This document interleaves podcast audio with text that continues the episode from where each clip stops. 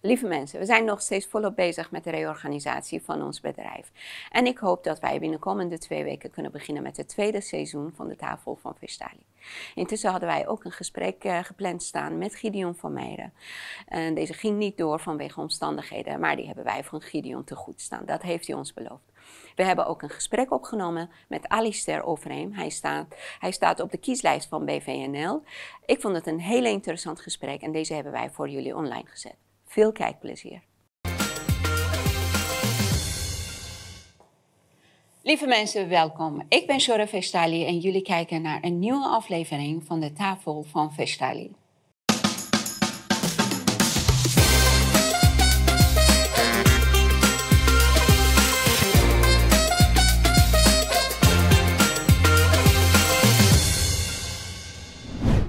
Vandaag hebben wij een speciale aflevering. Een één op één gesprek met een bijzondere persoonlijkheid.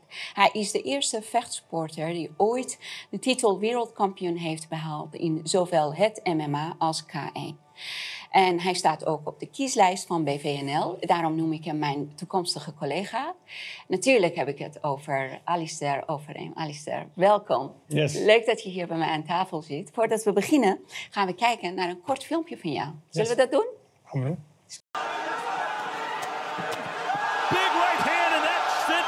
Maybe a nice uppercut for Botter could be an option. Yeah, he tried it there. Oh, big low kick. Oh, another big low kick from Botter. But he knows he has the power if he can land that one big heavy punch. That And he uppercut, does. that uppercut, Sid Botter. Tried the last, the low calf kick. Two of them.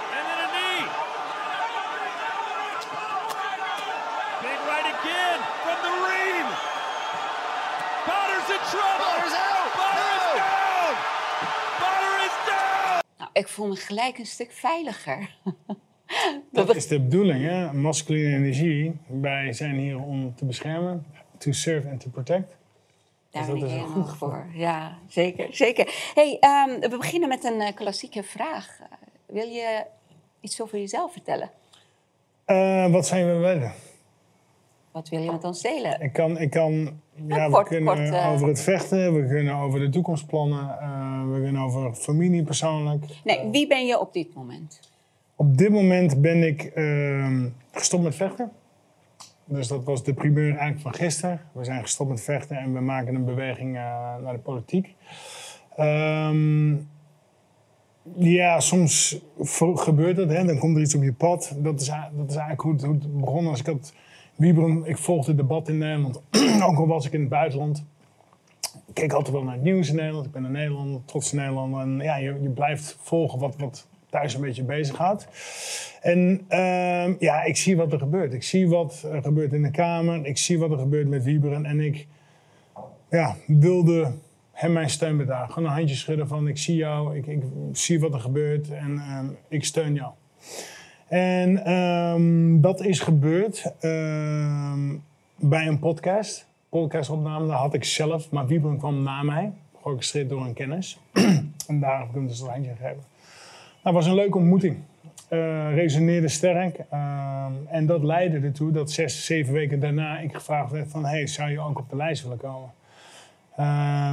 Nou, dat heb ik beantwoord met... Nou, dat ga ik eerst eventjes thuis met mijn vrouw overleggen. Want dat is het correct om te doen. Voordat je in een verhaal springt. Even kijken of alles eh, goed is thuis.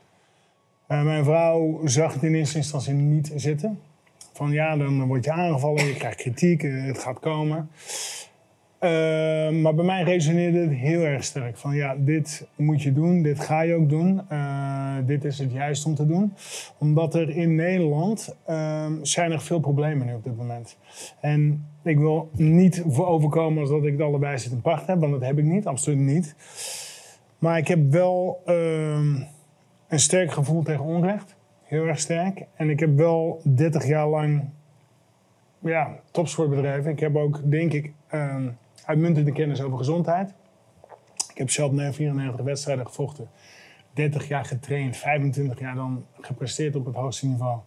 En ik heb zeg maar met de kennis die ik vergaard heb in die 30 jaar, veel voedingsdeskundigen ook, denk wel 25 verschillende voedingsdeskundigen. Nou, op een gegeven moment word je zelf een soort van voedingsdeskundige. Ik ben ook gediplomeerd. Ja, je hebt een bijzondere kennis, omdat ik zelf mezelf telkens wist op te lappen. En ook met eh, corona toch wel het gezondheidscrisis die er speelt. Maar niemand die het dan ook over gezondheid heeft. En dan voel je, ja, dat klopt niet. En uh, zonder om in al die conspiracy theories uh, te duiken, want die zijn er ook. Uh, dat, dat is niet positief. Positief zijn is met de oplossing bezig zijn. Het bewustzijn verhogen van de gezondheid. En ik denk dat ik daar een bijdrage in kan leveren. Dat weet ik, dat weet ik zeker. We gaan zo meteen uh, verder hierover praten. Ja. Wat was voor jou de motivatie om professioneel met sport en vooral vechtsporten aan de slag te gaan? Yes, oké. Ik was uh, 13, had ik een tussenjaar. Uh, ik verhuisde van, van, van Engeland. Bij mijn vader woonde naar Nederland. Ik ben in Engeland geboren. Heeft bij het begin begin in Engeland geboren. Jamaicaanse vader. Nederlandse moeder. Blond haar blauw ogen. Mijn vader is uh, redelijk donker. Toen ik vijf was, ouders gescheiden. Verder opgegroeid in Nederland met mijn broer, Valentijn. Oh, je hebt moeder. dus de achternaam van je moeder? Absoluut, Aha, oké. Het is Ja, Nederlands ja. achter. Ja, ja, ja. En ehm, toen ik 12, 13 was, dat is toch een leeftijd dat je een beetje kattenkwaad, een beetje, ja, etteren, klimmen op het dak in de bouw. beetje, ja, Een echte jongetje. knokken. Eh, een jongetje met veel energie. En er werd besloten, en ik was het daarmee eens, je gaat bij je vader wonen. En dat had ik aanvankelijk zin in, maar goed, eenmaal aangekomen daar, dat was in de zomer van 93, was nog in principe leuk. Oh, dan komt herfst.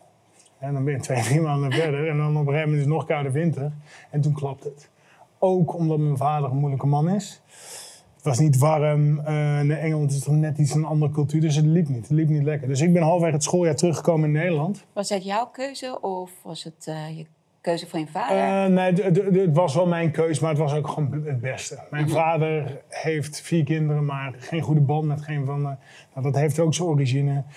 Eh, mijn vader heeft het geprobeerd, het is niet gelukt. Het is een zwaar leven. Ik heb op zich altijd wel contact met hem onderhouden. Dus, ik, dus ja, dus dan kan je zien aan zijn leven zijn keuzes, hè, waar dat, hoe dat eindigt dan. Maar ik was dus 13, terug naar het verhaal, terug naar Nederland. En dan was je dus halfweg het schooljaar, nou ja, je kon niet naar school. Dus mijn moeder zei, jij gaat niet thuis zitten, niks doen, je gaat een baan vinden. En dit verhaal heb ik al wel een paar keer verteld, maar goed, het is intro.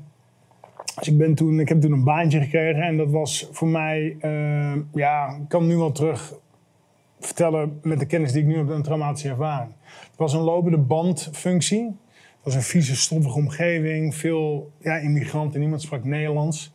En het was simpel werk, het was ook 2 euro per uur. Ja, het was, het was, dat heeft me heel erg impact op me gemaakt. In de zin van dat ik me vrij wilde vechten. Dus financieel onafhankelijk wilde vechten. En eigenlijk is dat altijd mijn benzine geweest.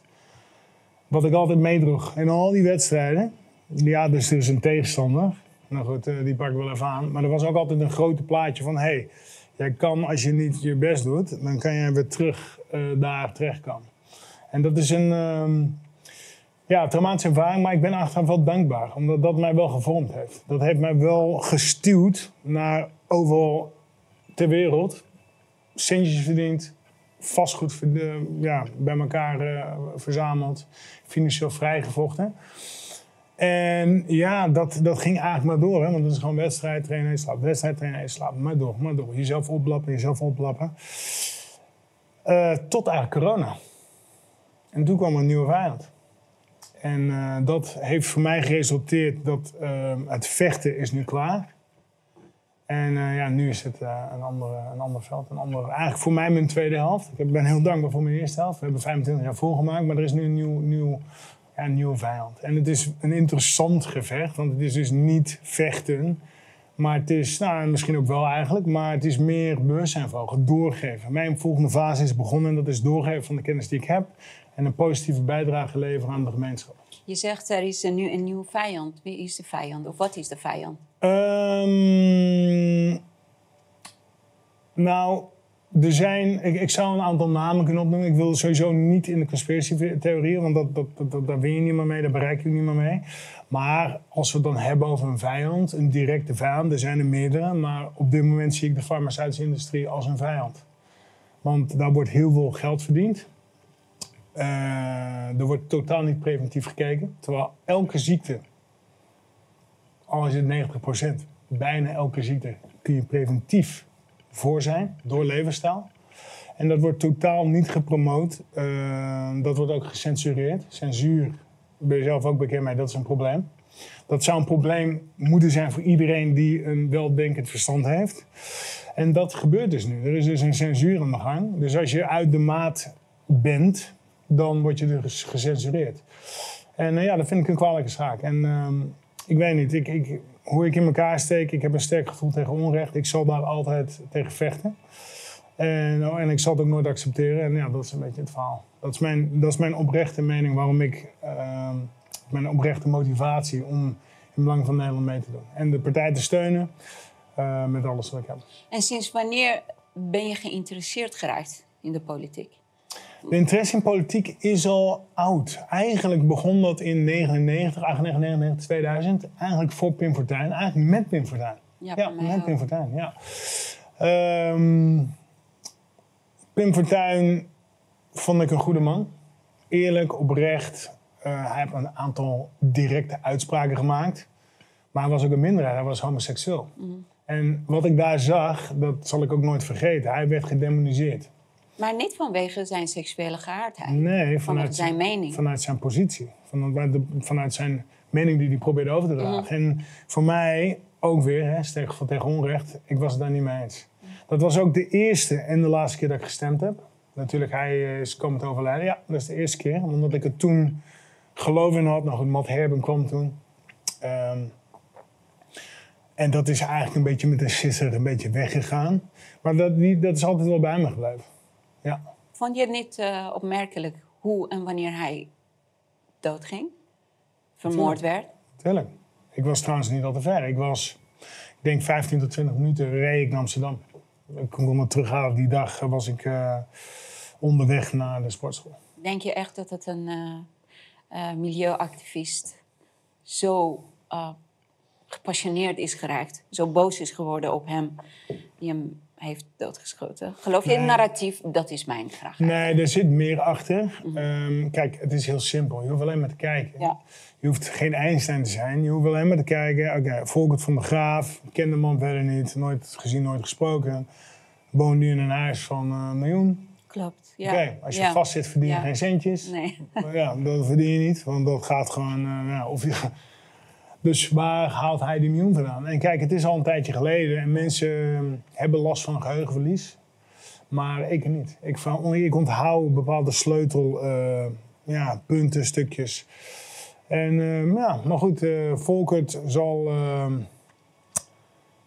zal zijn verantwoording daarover moeten afleggen dag. Geloof ik. Denk je? Hier in deze wereld of in een andere wereld? Als het niet in deze wereld is, dan is het in de volgende. Dus ooit wel. Absoluut. En, en eh, Pim Fortuyn, wordt die erg ooit wel opgehemeld, denk je? Hier of in andere Weet wereld? ik niet, weet ik niet. Ehm, ja, ik, ik vond het een interessante man. Ja, ik ook. En hij, hij bracht ook hoop en hij was inspirerend. Hij was een Ehm, realist. Ja, een realist. Hij, hij kaartte problemen aan en hij doorzag dingen, structuren. Ja, dus ik... ehm, en ik hou ervan. Ik hou van mensen die mij ook wijzer en slimmer maken. Ik hou niet van mensen die, ja, dan hoor je dat en dan, wat, wat zeg je nou eigenlijk? Ja, En ik heb dat, het is, ook. dat is een probleem.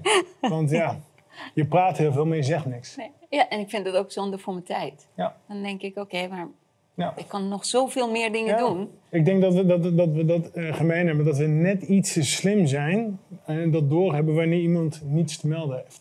Ik, waar, wat mij ook opvalt is dat ja, wij tegenwoordig te maken hebben met heel veel mensen die gekozen willen minder slim zijn en minder dingen zien. Want als ik met mensen soms, als ik soms met mensen ga praten en ik zeg, nou weet je, dit zie je ook. En dan kom ik gewoon met een aantal voorbeelden. En ze zeggen, ja weet je, het klopt wat je zegt, maar ik hoef het niet te weten. Dan worden ze bang. Ze hebben een fabelrealiteit in hun gedachten. En dat willen ze vasthouden. Ja, iedereen heeft zijn eigen realiteit. Ehm, veel mensen hebben geen energie om eh, in verzet te komen of te veranderen. Of, ehm, Of ze durven het niet. dat is ook een eh, factor.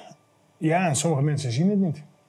Ja, dus eh, die, die, zien het daar, die zijn daar ook niet mee bezig. mensen die het nu nog steeds niet zien, dan denk ik dat we ze gewoon los moeten laten. Nou, ik denk sowieso. eh, kijk, want er is natuurlijk een verdeel en heers Absoluut. verhaal klopt. ook geweest. Hè? De gevaccineerden tegen de ongevaccineerden, de moslims tegen de christenen. Ja. Nu zelfs met gender. Een man is eh, ineens een 13-jarige schoolmeisje. Dat, dus er is dus een verdeel en heers. Hey, eh, Dus met eten ook, vegan, vleeseters, alles, alles. ja. En eh, gaan we er ooit een keer achter komen? Ja, ik denk het al. Ik ben, ik ben heel optimistisch ingesteld. Dat heeft mij door mijn laatste 30 jaar heen eh, gesleept. En ik ben heel optimistisch voor de toekomst. Er komt een verandering aan, een frisse wind. Geen twijfel, want mensen worden wakker. Dat, dat gebeurt. Ik doe daar ook aan mee. Ik faciliteer dat, help dat te faciliteren. En ik geloof dat er nieuw leiderschap gaat komen. Ben je niet bang dat jij heel veel dingen kwijtraakt? Nee, Nee? natuurlijk niet. Natuurlijk niet. Waarom is ook bang? Ja. Ja, er gebeuren heel veel dingen die niet te verklaren zijn. Ik ben, Bijvoorbeeld eh, met Pim Fortuyn. Ja, alleen, alleen hoe ik in elkaar steek is, ik heb geen angst. Behalve voor God. Nee, ik ook eigenlijk. Ik heb geen angst voor. ehm, en dat wil niet zeggen dat er met mij niets kan gebeuren, want ik ben ook van vlees en We bloed. zijn allemaal mensen. En ik ben humble. ehm, maar goed, ik weet niet, dat is een soort iets wat erg verankerd zit. Ik probeer goed te doen, ik doe goed. Ik ben een positieve steunpilaar in mijn gemeenschap. En dan gaat het, zal het goed komen. Zal, het, er zal mij niets overkomen. Dat zit heel erg. eh, en als het wel zo is, dan is dat gewoon maar wat het is en dan zien we het dan weer. Dan heb je je plicht gedaan in ieder geval. Maar het is sowieso, ik denk ook, kijk, ik ben 94 keer in een ring gestapt. Dat is telkens weer voorbereiden, opladen, voeding, totale zelfdiscipline, controle, niet uitgaan, niet gek doen, hè, voeding. En het moment van ja zeggen, ik, ik spring eigenlijk, want dat is het, ik spring in het diepe. Dat is meerdere keren, hè? je tekent een contract. Elke dag naar die sportschool, terwijl je beurs bent, je, je lichaam doet zeer, Ja. ga je weer. De blessures. Ik heb een paar, paar gehad, hè? ik heb wel een paar keer in elkaar gelegen. Ook na de wedstrijd zelfs. Dat je, dat je hè, scheurtje, en dan kijk je. Zie je je eigen schedel, zie je. Hm. Je lip Ja. half Dus ja, dus dat het, het is eigenlijk één groot drama geweest, maar een prachtig drama. En, maar daardoor heb ik wel een bepaald karakter opgebouwd. Ik ben niet bang voor een andere, andere persoon, want ik, ik kan gewoon knokken. Ik doe dat gewoon. En natuurlijk, er is... Hè? Sorry, wat zeggen? Ik denk dat, eh, kijk, in de ring, dan zie je met wie je te maken hebt. Je ziet waar je je op moet focussen. Maar nu, waar wij nu in balans zijn, je weet niet wat, waar en uit welke hoek.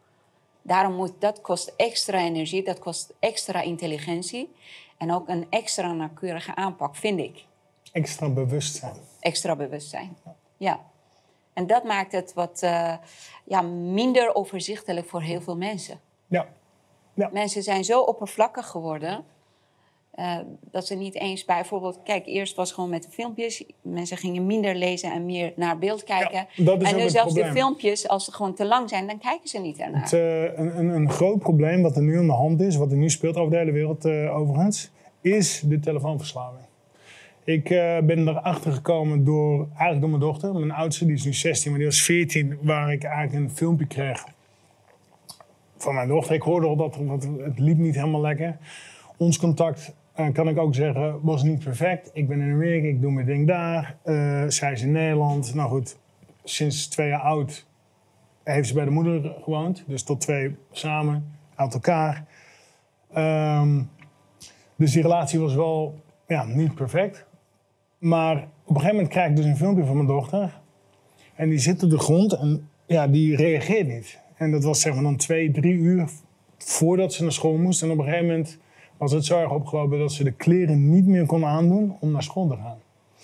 En ik denk dat ik dat filmpje al meer dan honderd keer heb bekeken om te onderzoeken als vader wat gebeurt daar precies. Wat is daar aan de hand?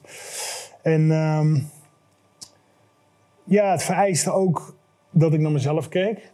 Want ik was natuurlijk ook telefoonverslaafd. Hè? Instagram en meiden en eh, nou, mijn spel. Twee, drie uur per dag, vier uur per dag mijn spel. Dopamine, telkens. YouTube, Twitter, alle ellende van. Dus, dus, ik, dus ik zat in de auto en ik, ja, ik zit eigenlijk ook hè, want je kijkt naar jezelf. Ik kijk ook naar mijn vader, hè, dat is dan die lijn. eh, opa, ik, dochter. Mijn vader zat ook altijd, hè, toen ik 13 was, woonde ik in Engeland. Zat hij altijd achter zijn computer, negatief nieuws, zagrijnig. Het, het moet wel die telefoon zijn. Want er is voor mijn, bij mijn dochter geen andere externe factor die negatief beïnvloedt. De moeder is een lieve dame, hertrouwd, Leonard, topgozer, kon niet beter. Twee broertjes aan die kant, aan mijn kant twee zusjes, Jess en Sensi. Dus alles was zeg maar veilig. Geen drugs in het spel, geen verkeerde vrienden trouwens, te weinig vrienden, want iedereen zit maar zo. Ja. Dus ik besloot voor mezelf eh, toen eh, te stoppen met mijn telefoon. Ja, en Was dat voor je niet belangrijk? Voor je werk, voor, voor je activiteiten? Nou, wat ik deed was, ik kopieerde alle apps op mijn tablet en mijn telefoon was alleen bellen en WhatsApp. Bellen en WhatsApp. En ehm, 21 dagen verder daarin, ik, ik blijf gewoon volhouden. Ik wist niet wat er ging gebeuren, ik, moet, ik kan me nog herinneren. De eerste week was erg, want je voelt Ja, je van, onwennig voelt het. ja, en dan ziet je het weer en dan, ja. Het is net als als je Nou, goed. stopt met roken. Is dat gewoon, je mist wat. Tweede week ging iets beter. De derde week voelde ik nog een beetje. En dag 21, dan krijg je dus die reset. Ik zal nog even uitleggen, dopamine bouwt zich op. Als je de reset niet doet, gaat het niet weg. Want het bouwt op. En dan stop je. De eerste week. Tweede week. Derde week. Pup, pup, pup, pup, pup. Boem, weg. Dag, een- dag 21 is het weg. En wat ik toen ervoer, ervaarde, ik voelde me geweldig. Energie 2000 procent. Ik had een appel. Het was net of ik weer voor het eerst ooit een appel had. en ik was wauw. En dat is dus wat een dopamine reset doet. Dat is ook waar Ramadan op gebaseerd is. Eten is een dopamineactiviteit. Dus als je dat zeg maar dan... Hè, Ramadan is je eet twee momenten per dag. Voor zonsopgang, na zonsondergang. En dan, maar goed, al de moslims hebben dus nu die reset niet omdat die telefoon dat verpest. Want die geeft, ook, die geeft telkens die dopamineprikkel. Dus elke moslim heeft dus ook... Ramadan is dus eigenlijk voor niets. Dus eh, zij staan dus ook onder druk door die gsm. Nou goed, ik ervaar dat. Ik voel me geweldig. En ja, ik ben, ik ben gaan zoeken. Ik heb heel veel boeken eh, besteld over, ehm, over dopamine resetting. Ik ben me daar helemaal in gaan verdiepen. Ik heb ook inmiddels, denk ik, wel 150 mensen gedetoxed van hun telefoonverslaving. Ik ben bezig met een app te ontwikkelen om mensen daarvan af te krijgen. Ehm, en eigenlijk onder het mom van, hé, hey, we staan met z'n allen onder druk, onder aanval. En ja, als niemand iets doet, dan eh, gaat dat zeg maar niet de goede kant op. En ik voel me geroepen om, eh, eh, ja, ik ben een vechter. Dat is wat Ja. ik ben. Dus ik zal altijd... dus dat is het verhaal. En hoe is het met je dochter afgelopen? Heb jij bij haar iets Ja. voor elkaar krijgen? Want jeugd Nee. is echt... Ja, Bijna het is een groot probleem. Oké, wat is er met mijn dochter aan de hand? Of gebeurd? Ik weet dus dat de depressie door de telefoon komt. Zij is opgenomen in de kliniek Use. Eh, en ik heb dat daar aangegeven van, eh, jongens, ik denk dat het de telefoonverslaving is. Kunnen we dat beeldscherm in de gaten houden? Want zij was er dan maandag tot en vrijdag. Weekends mocht ze naar huis. Ik heb een steekproef gehouden. Na twee weken checkte ik haar screentime.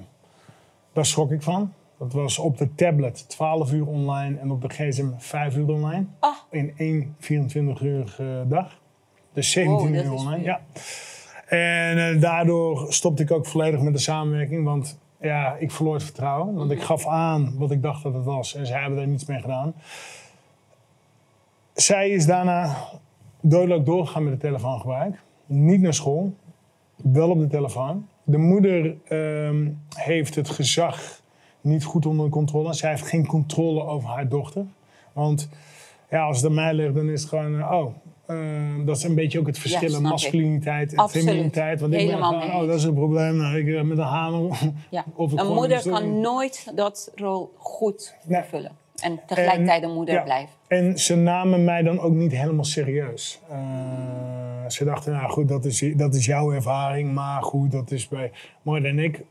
Ja, was dus van, hé, hey, hallo, dit is het. Eh, probeer het nou, probeer het nou. Maar er, ontbrak een kracht, een, een wil om dat te doen.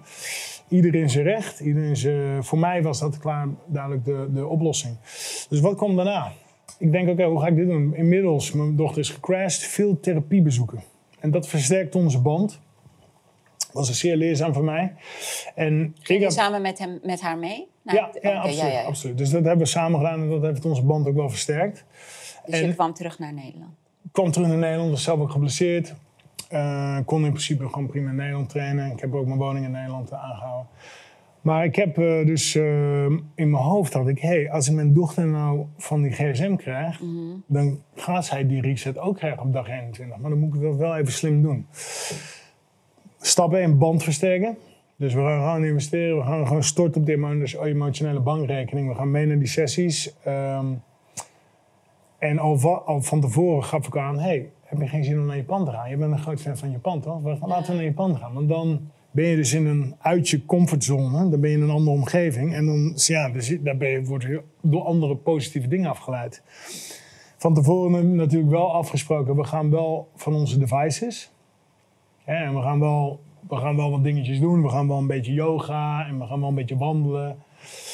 En ja, dat eh, is dus gebeurd inmiddels. We hebben anderhalf jaar de band gebouwd op die manier. Eh, telkens aangegeven, we gaan naar Japan, we gaan naar Japan. Ik merk dat er aanva- in het begin interesse was, maar later die interesse verdween. Ja, dat is ook wat het beeldscherm doet. Het Dus dat met beeldscherm, die dopamine te maken? Absoluut. Het gaat omhoog. als dopamine hoog is, je wordt gewoon een monster. En ik kan het weten, want ik heb hoge dopamine gehad. Dat heb ik altijd in mijn sport gestopt, maar ook in mijn gsm. Ik ben daar vanaf en ik ben zeg maar veel zachter geworden, veel liever.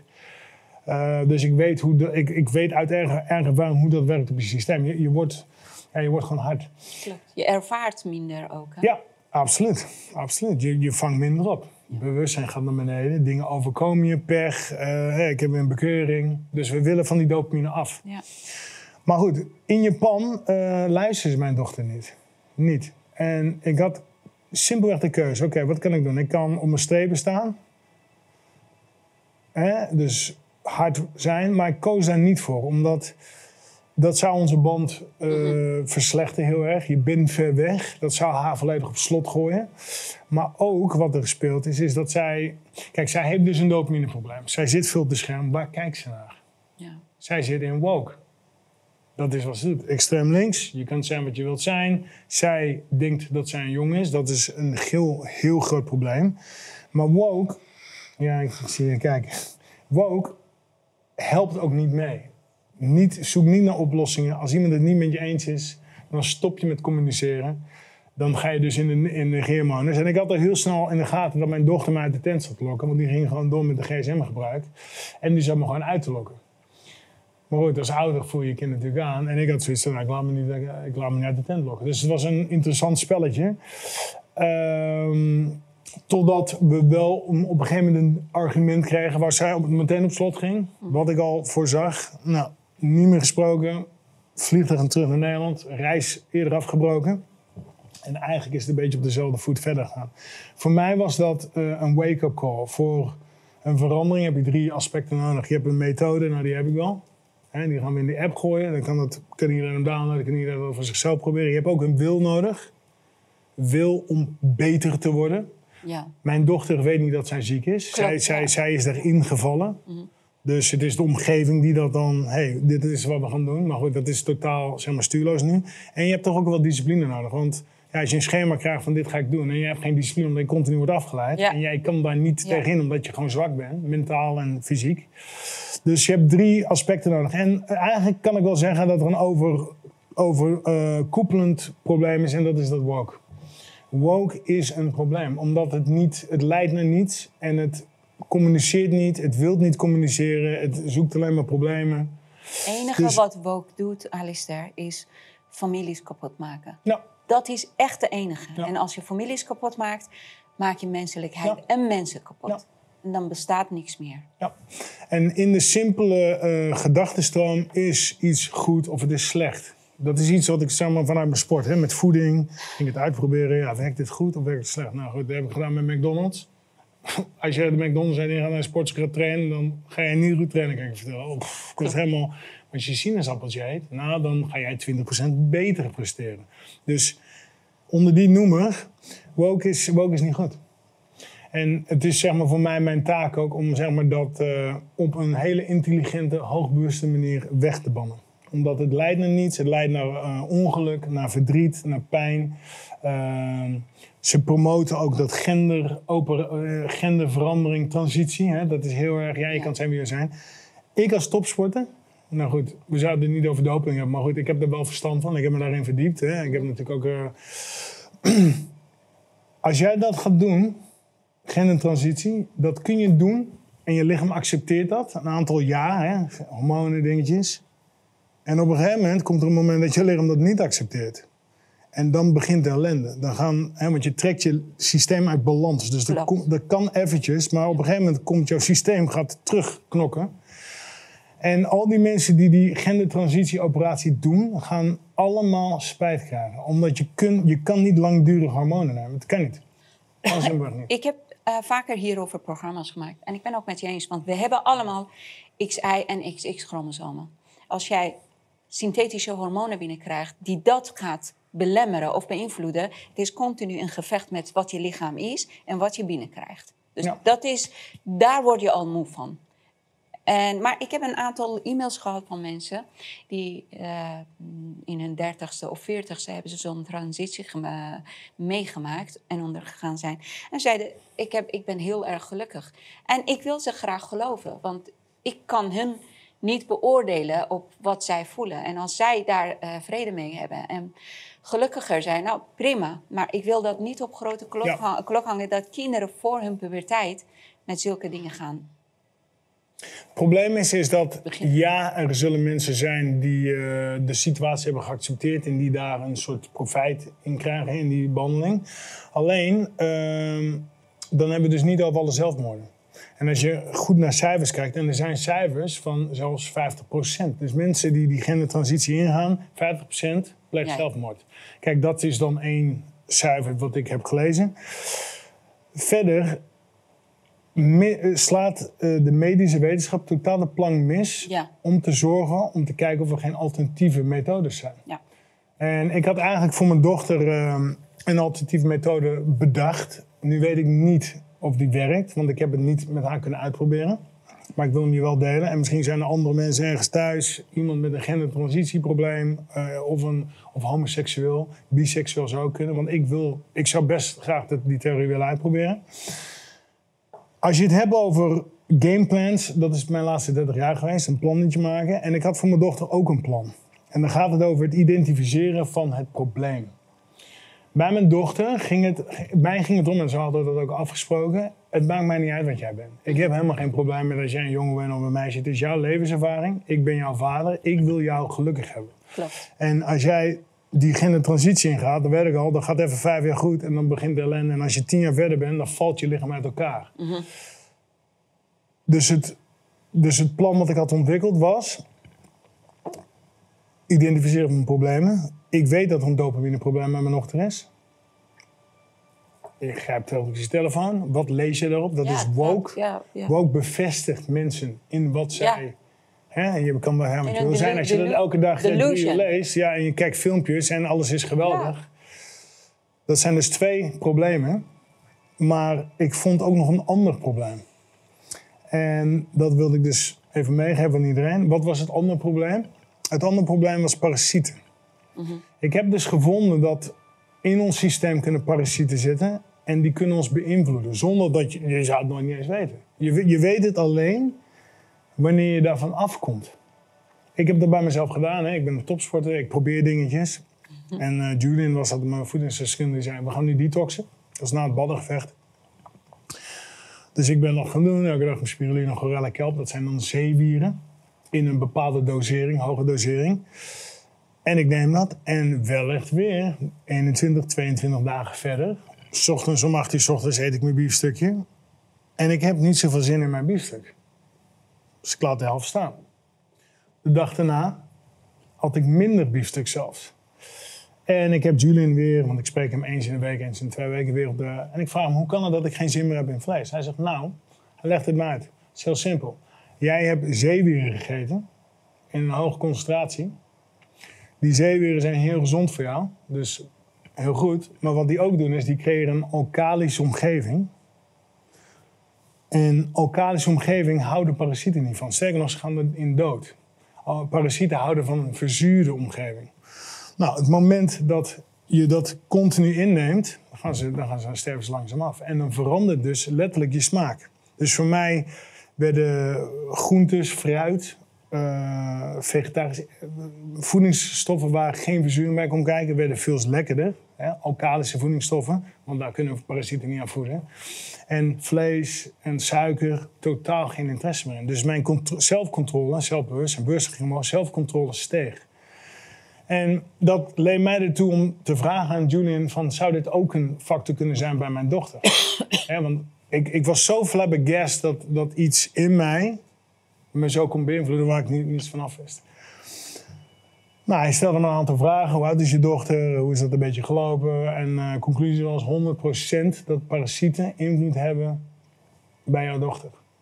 Dus daar, aan dan daarvan was ook het plan om, eh, om haar te detoxen in Japan. Maar goed, als iemand niet meewerkt, en daar komt dus dan die, die, die wil om beter te worden. Ja, als iemand die supplementen neemt, dan houdt het op.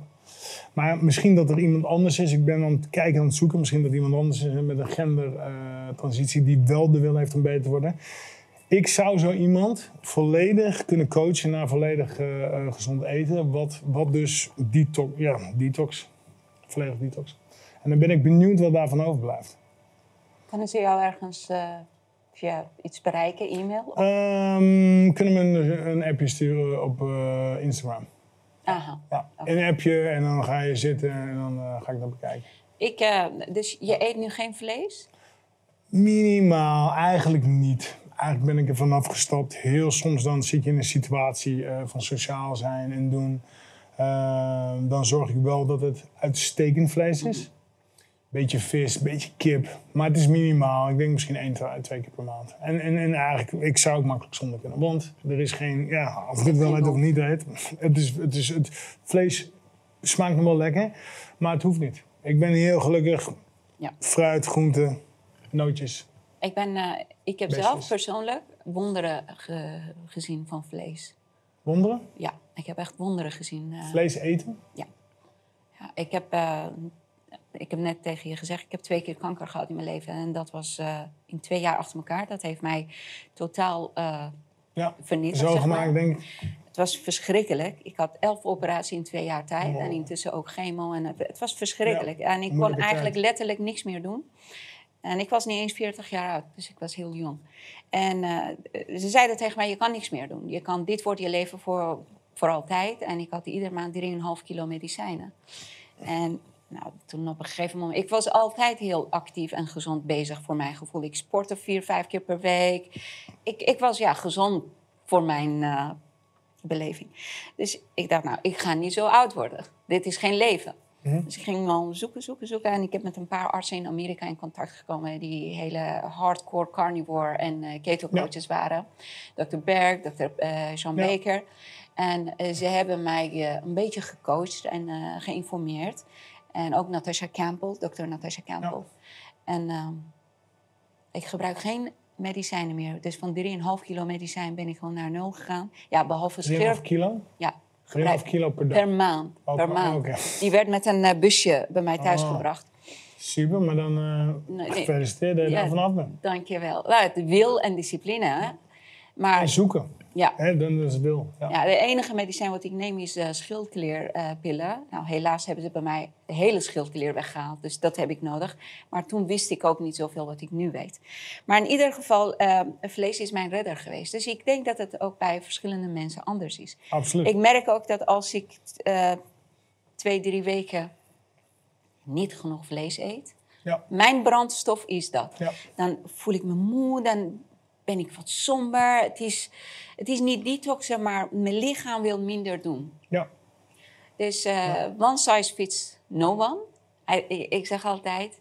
Maar eh, ik weet ook, dat heb ik van dokter Natasha Campbell gehoord... dat mensen die kanker krijgen, dat, eh, het komt omdat hun lichaam heel erg toxisch is. En dan, dan moeten ze een tijdje detoxen. En met Ja. detoxen bedoelt zij alleen maar groente en fruit eten. Ja, detox is Ja. detox. Of vasten. En Ja, vasten ook. Spoelen, water. eh, want het lichaam, het lichaam heeft het vermogen om zichzelf te helen. Absoluut. Alleen als je hem continu Kracht blijft... die wij hebben, Ja, alles. dat hebben we gewoon zelf. Hè? God, is, mensen beseffen Mensen dat weten niet. dat niet. Nee. farmaceutische industrie wil ook niet dat mensen dat weten. Want Klopt. dan eh, stopt hun eh, geldkraantje. Ja. Die geldkraan gaat dicht. Oh. Dus, en dat is, dat, is, dat is een probleem. Omdat je dus dat, die farmaceutische industrie hebt, die wil centjes verdienen, maar die heeft niet het beste met ons voor. En ja, we, we willen toch leiderschap die het beste met ons voor heeft. Klopt. Toch? Ja. Die van ons houdt en wij houden van hun en alles loopt. Dus dat is, eh, ja, ik denk voor jou ook motivatie. Hoe denk je dat, eh, dat jij aan zoveel discipline bent gekomen? Wat was voor jou de reden? Of heb je het Eh. meegekregen? Of heb je het geleerd? Het, is, eh, het startpunt was 13. Daarvoor was het ja, een ongeleid projectiel. Misschien wel. Maar die, die, die, die traumatische ervaring toen ik 13 was, dat was eigenlijk een wake-up call. Van hey, als je niet je best doet, dan wordt dit je leven. Is voor mij wel tekenend geweest. Voor mij startte toen een alles of niets eh, attitude. En ja, discipline. Kijk, je bent natuurlijk als je 13 bent, ben je nog jong. Maar door de jaren heen leer je dingen. Hè. Veel, zoveel geleerd.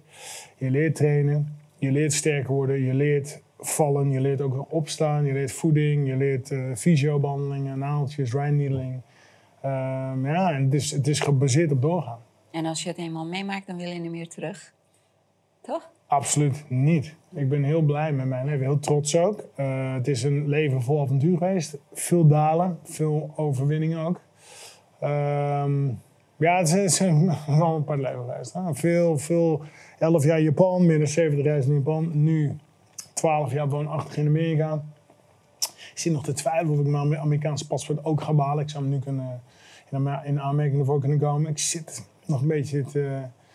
Maar eh, voordat ik iets ga doen, Nederland. Ja, Nederland. Als jij kan kiezen tussen Amerika en Nederland, om voor altijd daar te wonen. Nederland, Ja? absoluut. Is Amerika zo vernietigd? Nou, nee, eh, Amerika staat onder druk, Nederland staat ook onder druk. Maar Ne- Nederland is thuis. En het zijn wortels goede je- mensen. je- En mijn dochters wonen hier. Ik heb drie meiden, eh 16, 7 en 6. Eh, Storm, Jess en Sensi. En ja, het is thuis. Mijn moeder is hier, mijn broer is hier. Ik heb, ik heb een grote familie, ik ken ze niet echt. Maar goed, mijn neefje, zijn goede mensen allemaal. Dus het is, het is voor mij even wel thuis eerst zaken op orde stellen. Ja, dat is het beste. Ja. Eh, wat denk je dat op dit moment het grootste probleem is in Nederland, die als eerste moet opgepa- aangepakt worden? Eh, ik zou dat zeggen gedeeld probleem. Dus je hebt de telefoonverslaving. Dus dat is een dopamine-probleem, dopamine reset. Mijn app komt eraan overigens. Want die Mhm. Wanneer kan- is die klaar? Eh, testfases zijn er nu, dus ik zal eh John eens even sturen kijken hoe de stil, vorm in de stil zit. Ik denk een maand, misschien zes weken zoiets. En maar hoe die app gaat komt die app eraan. heten? Eh, ik zit te denken AO360. Alistair over M360. Ah ja. Zoiets. Eh, en dan kunnen dus groepjes van 10 detoxen van een gsm. Daar heb ik een heel mooi systeempje voor, eh, voor bedacht. Die werkt ook, 100%. Dus dat zal ik uitleggen in de app. Verder, eh, probleem 2 is leiderschap. Het leiderschap is niet effectief. En sterker nog, maar goed, daar wil ik niet op vooruitlopen. eh er kunnen misschien zelfs s- slechte motieven mee gemoeid zijn. En dan heb ik het over corruptie. Ehm, ja, dat, dat zal allemaal nader onderzocht moeten worden. Weet je, ik wat wil mij, niet van tevoren dat. eh, Nee, maar, je- leiderschap is wel een probleem. weet je wat mij opvalt, eh Alistair? Eh, toen wij midden in de corona-gedoe zaten, heel veel mensen zeiden: ja, maar ze weten ook niet beter en ze hebben het niet door, ze doen maar wat. En dan dacht ik, nou, als mensen met zo'n lage intelligentie aan het stuur zitten, dan zitten ze verkeerd. Eén. Klopt? Of ze kiezen dat niet te zien, dan zijn ze corrupt. Dus Ja. het was alleen maar twee scenario's. Of zijn ze te dom, Ja. of corrupt. ja. Maar dan, dan zijn, in beide gevallen zijn zij niet geschikt voor een positie. Dan moeten ze weggaan. Ja. Maar geloof je, wat denk jij? Denk je dat zij echt puur uit onwetendheid... of is het, eh, zijn andere belangen die meespelen? Ik denk, ik denk eh, dat er een facet is die onwetend is. Maar ik denk, en onderzoek zal het uitwijzen, en ik wil zeker, zeker niet op de zaken vooruitlopen, Mhm. maar ik denk dat er ook een element is die, ehm, ja, die toch wel slechte intenties heeft. Dus zeker, zeer zeker. Ja. Is, eh, dat is, dat is niet leuk om te vertellen, maar goed, ik ben altijd eerlijk. En ja, ja ik ben daar wel bang voor. Ja, uit, uit mijn ervaring en eh, onderzoeken weet ik dat het is een grotere agenda die moet uitgerold worden. En we gaan gewoon stap voor stap de Ja. richting. Stap voor stap ommantelen, openbaar maken, informatie openbaar maken, eh, patronen herkennen. Niet te voorbarig, niet lelijk doen, gewoon heel rustig, heel eh, gemoedelijk. Ehm, Ja, en dan, en dan zal de waarheid uh, zegevieren. Stel maar voor dat uh, de 22 november is geweest en de dag daarna, dan zit jij in de Tweede Kamer. Bewijs van spreken, dat je genoeg stemmen hebt. Wat ga jij doen? Oké. Okay, wat ga je betekenen voor Nederland? Wat ga ik betekenen voor Nederland? Dat is een goede vraag. Ik ben uh, oprecht, ik ben eerlijk. Ik heb een hekel aan deceptie. Ik heb ook 30 jaar lang in mijn hele vechtgebeuren, mijn eerste helft, veel deceptie meegemaakt. Veel managers die uh, weer met een zak geld er vandoor ging. Veel... Ik heb van alles en nog wat meegemaakt. Trainers, dan was weer dit, dan was weer dat, promotors. Dus ik heb een oog voor deceptie. Ik heb dat door. Um, maar goed, stap 1 is, genoeg stemmen. Hè? En, maar goed, als ik, als ik erin zou komen, ik ben van de gameplan. Dus ik wil goed kijken, oké, hoe, en dat is eigenlijk de fase nu, maar goed, dat zou misschien nog, daar nog even voort kunnen duren. Waar zitten de knopjes die je kunt draaien? Waar zit de verandering? Um, daarom zoveel respect voor Wiebren. Hij staat daar elke keer weer. Hij vecht tegen een machine, een grote machine. Hij, ik, ik weet hoe ze hem pesten, plagen. Zij uh, is een debat ingepland om vier uur s middags. Nou, dan start het pas ergens om 9 uur s avonds. Zitten er nog om half één, zitten ze er nog. Klopt. Dus ze zijn bezig met heel veel kleine pesterijtjes. En kijk, ben ik een type die dan zeg maar de hele dag in zo'n kamer gaat hangen? Nou, dat moet ik nog onderkijken. Ik moet, ik moet onderzoeken, dat, dat ben ik nu aan het doen, of wat de knop is die het om gaat zetten. Um, ik heb ook een andere uh, project en dat is een gezondheidsbeurs. Hè, om het bewustzijn voor gezondheid omhoog te... Oh, dat lijkt mij heel interessant. Ja, ja. Dus daar heb ik um, volgende week in Dubai een grote presentatie over. Wauw. Dus dat loopt voor 2024, datum nog onbekend. Maar dat is prioriteit 1, tezamen met de Kamer. En de, ja, dat gaan we nog onderzoeken. We hebben dus de beurs, de app komt, telefoonverslaving en dan uh, politiek verder onderzoek. En uh, hoe kijk jij naar die wereldwijde organisaties zoals uh, World Economic Forum? Hmm. Ik denk dat ja. onze aanhang, mensen die op ons eventueel gaan stemmen, vinden het heel erg belangrijk om te weten ja. hoe wij. World Economic Forum is um, net, als, net als Europa het is onbekend. Het is, het is ver weg. Het is ongrijpbaar. Mensen zien het, ze begrijpen het niet. Uh, wat gebeurt daar? Wordt er daar besproken? In één simpel woord, ondemocratisch. Zij hebben andere belangen, want zij werken niet voor ons. Onze overheid hoort voor ons te werken. En ja, als er iets dan bij komt, dan is dat prima. Maar dan is het, hoort dat openbaar te zijn en, en transparant. En dat is wat ze niet zijn. Onze leider loopt heel erg trots met uh, World Economic uh, vormtasje rond. En kijk hoe mooi, kijk hoe mooi. Ja, en... en Rutte. Eh, dat die man zeg maar zelf ook niet doorheeft dat het zeg maar heel slecht overkomt. Nou, of is hij dan te, dan is hij, nou zo, zo dom is hij niet. Die man, die, man, die man, is heel intelligent. Daarom. Maar, uh, maar wij mogen zeg maar niet iemand uh, zeg maar schuldig bevinden voordat hij schuldig is. Nee, maar we kunnen gewoon punten en feiten benoemen die wij zien. Stellen. Absoluut. En, en die um, vragen worden keihard genegeerd. Respect voor Gideon van Meijeren, want die heeft eigenlijk al, als je er heel goed er doorheen kijkt, die heeft eigenlijk al Rutte ontmaskerd hè, met het boek uh, Great Reset. Klopt, gelijk dat, bij haar in. Uh, het boek, hey, het boek uh, nou, een geweldige analyse, hè, ja. we gaan daarmee. Dus daaraan kan je al zien, hey, daar zit wat. Maar goed, daar gebeurt er niets mee. En dat, dat is ook dan ook weer de reden. Is die Tweede Kamer, is dat zeg maar het strijdtoneel? Is dat goed om daar te zitten? Misschien is het wel ergens anders. Maar goed, dat is nog even onderzoek. Ik had, uh, ik had helemaal afscheid genomen van politiek. Tot ik twee jaar geleden Wieberen uh, uh, tegenkwam. En we gingen met elkaar een gesprek aan. En ik zei, weet je wat Wieberen, ik ga never nooit gewoon meer kijken naar politiek. En hij heeft het mij duidelijk gemaakt. Dat klopt ook wat hij zegt. Kijk, hij zegt, jij zegt dat jij niks met politiek te maken hebt. Maar politiek bepaalt, zelfs die verrotte politiek die wij nu hebben, die bepaalt alle aspecten van jouw dagelijkse leven. Ook aspecten van het leven van jouw kinderen.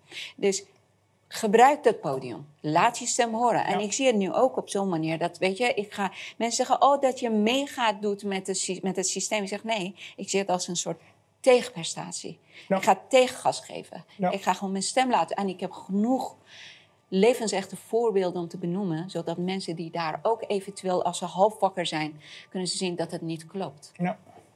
En uh, ja. het is wat Matthias de Smet ook zegt, hè? die zegt je moet alle podium pakken die je daarin eventueel storing kan inbrengen. Ik uh, applaudisseer proactiviteit. Eh, want voor mij ook. Ik kan zeg maar, ik zou op het strand kunnen liggen in, eh, ergens. Ja, Niet en dat heb je ook chillen, in maar- principe niet nodig, hè? Want je hebt, eh, financieel heb je dat niet nodig.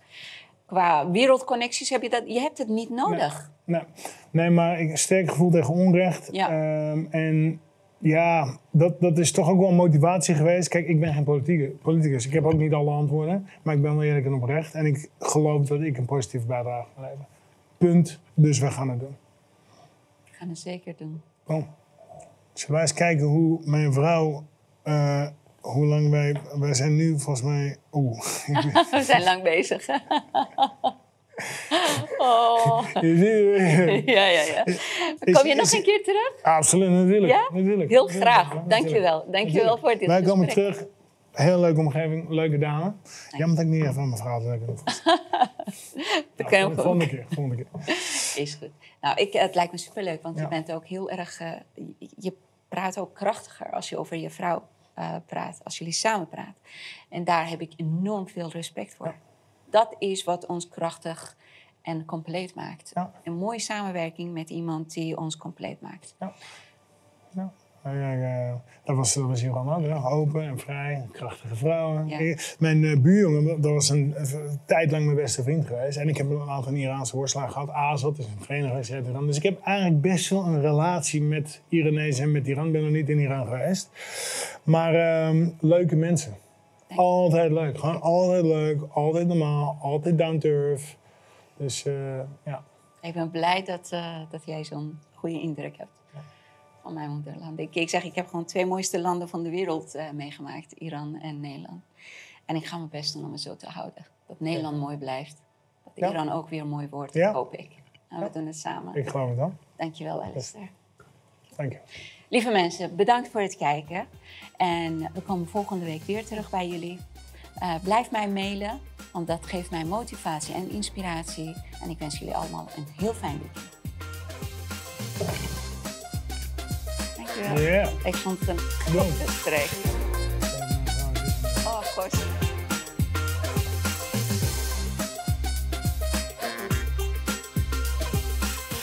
Is op jou te wachten? Oh, wat ben ik aan het gesprek, Lodi? Ja? Kijk, ze hebben het. Kijk, ze hebben het.